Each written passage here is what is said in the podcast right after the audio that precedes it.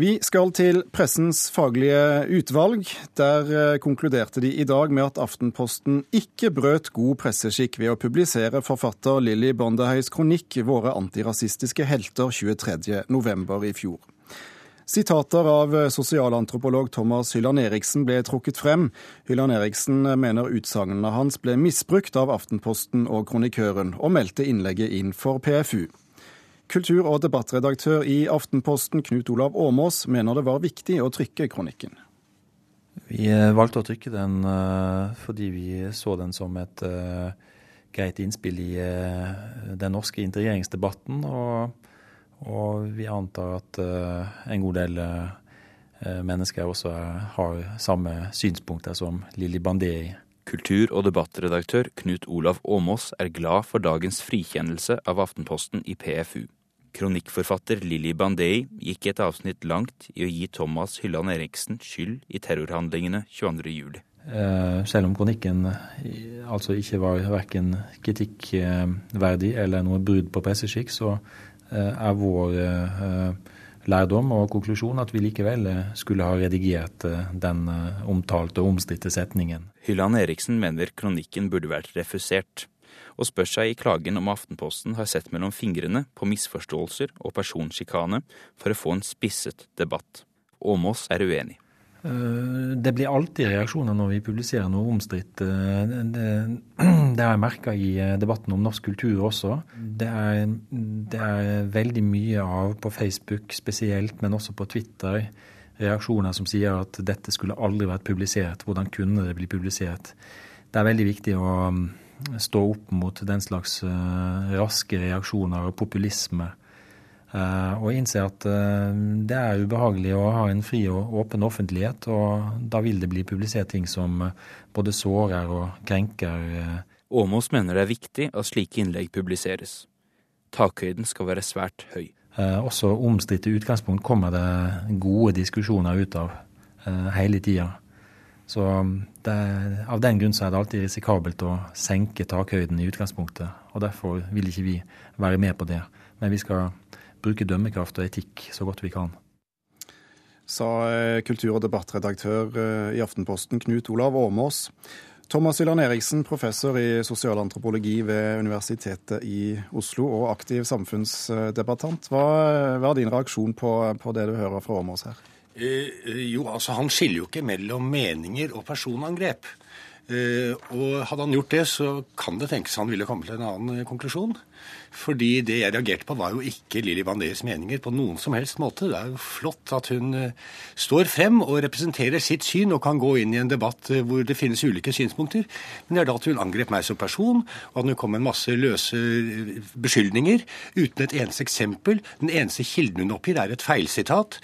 Og dette med 22. juli er egentlig bare en kuriositet, hvis man ser på helheten. For hele angrepet for meg er basert på feil og misforståelser. Hva syns du da om, eh, om, at PFU eh, i dag eh, mener Aftenposten ikke har brutt god presseskikk? Nei, altså Det kan man jo bare ta til etterretning. Jeg mener at de har gjort det, men dette er ikke noen eksakt vitenskap, så der må vi få lov til å være uenige. Men du har sagt at du har blitt utsatt for ondsinnet sjikane og ryktespredning daglig, og stort sett tar dette med godt humør. Hva var det som var annerledes denne gangen? Det var nok for det første at det var Aftenposten, som er Norges viktigste avis. Og for det andre var det helheten. Altså det at jeg ble gjort til eh, Jeg fikk hovedrollen i et stykke der jeg ikke engang hadde meldt meg til audition. Åpnet avisen om morgenen, og der var det et stort bilde av meg og en kronikk eh, skrevet av en dame. Jeg hadde prøvd å hjelpe litt med kronikken ved å sende henne ting jeg hadde skrevet, fordi hun ba om dem. Eh, men hun hadde jo misforstått eh, det jeg sendte henne. Eh, og altså hvor det var ubegrunnede angrep, insinuasjoner og ryktespredning om meg. Og helheten gjorde at jeg for første gang i mitt liv altså klaget inn et organ for PFU. Oppfatter du det som skal vi si, bevisst misforståelse, dette, eller en, en real misforståelse, for å si det sånn? Nei, Altså, I diskusjonen omkring denne kronikken, både av de som er enig med Bandehis sak, og de som ikke er enig med henne, så blir ordet glipp av og til brukt.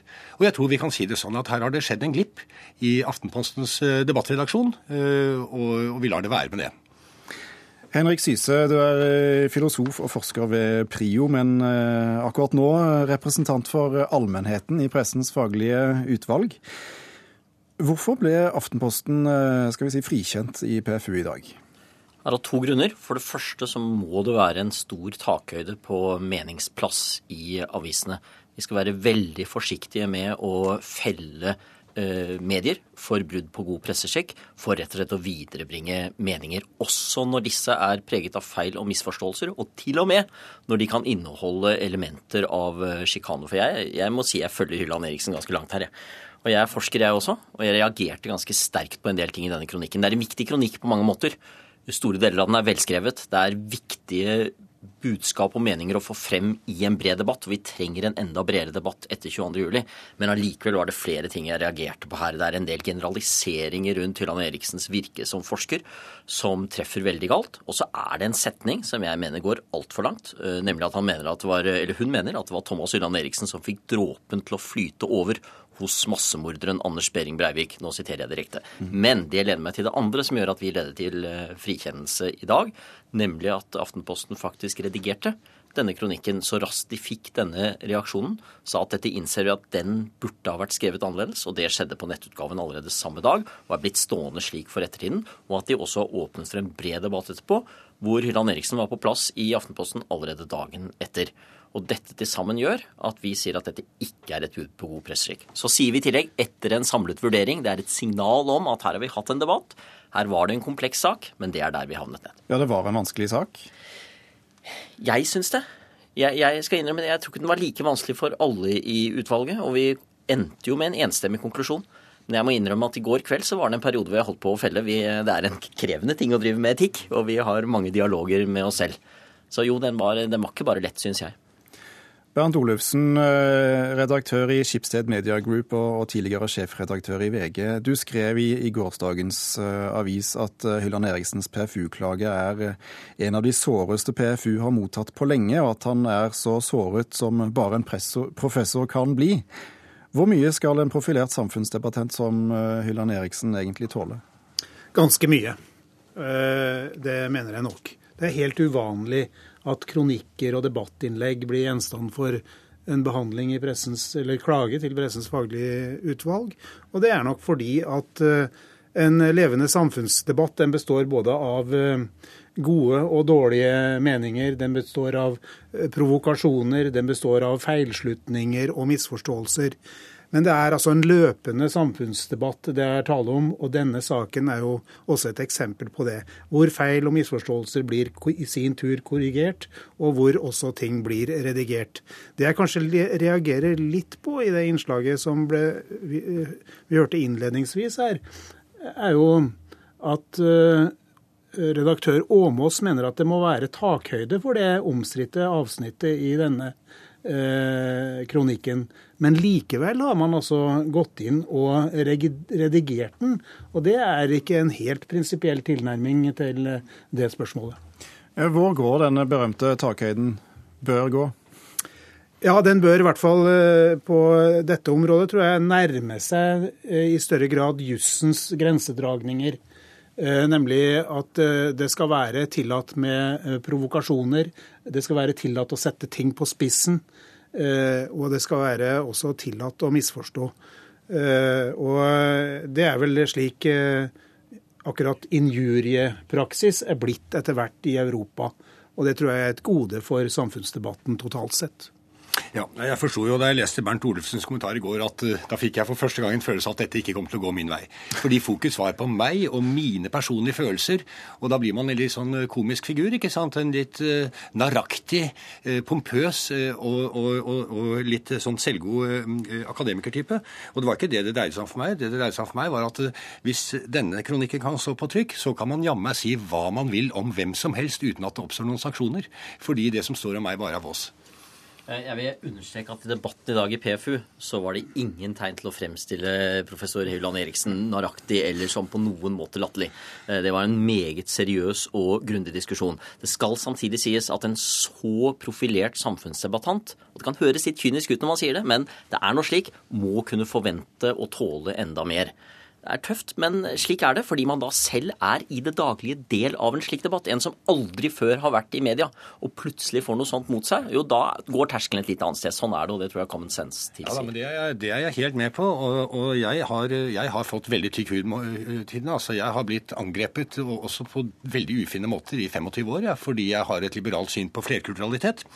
Men det handler her også om en grenseoppgang mellom personangrep og uenighet. Kriminologiprofessor Nils Christie skrev jo allerede allerede jeg tror på 1980-tallet om nedgangen i anmeldelser for ærekrenkelser, og spurte om det skyldtes at vi nordmenn var blitt mindre, mer æreløse. Eh, og, og, det kan vel være slik at når man ikke her klarer å se det prinsipielle i forskjellen på personangrep og takhøyde med hensyn til meninger, så har vi en, en glidning her også med hensyn til, eh, til, personers integritet. Jeg tror det skyldes at uh, toleransen for uh, meninger er uh, økt, og at i et eh, demokratisk eh, samfunn er eh, blitt tillatt å si mer i slike sammenhenger. Nå må jeg tilføye at i PFU i dag også, så ble det jo fra flere av medlemmene gitt uttrykk for at det var ingen som ville tatt seriøst denne påstanden om skyld for tragedien 22.07. Og slik leste jeg også denne, sak, denne kronikken første gang. Eh, det falt meg ikke inn å ta eh, det utsagnet eh, på største alvor, fordi det var altså helt karikert. Og det er, som jeg reflekterer også over i min artikkel, omtrent like likedan som det måtte føles da, hvis jeg ble beskyldt for å ha undertrykket den, de innvandringsfiendtlige holdningene i debattinnlegg opp gjennom årene, da, og derved også kom i skade for å Eh, skape et hat som utløste tragedien 22.07.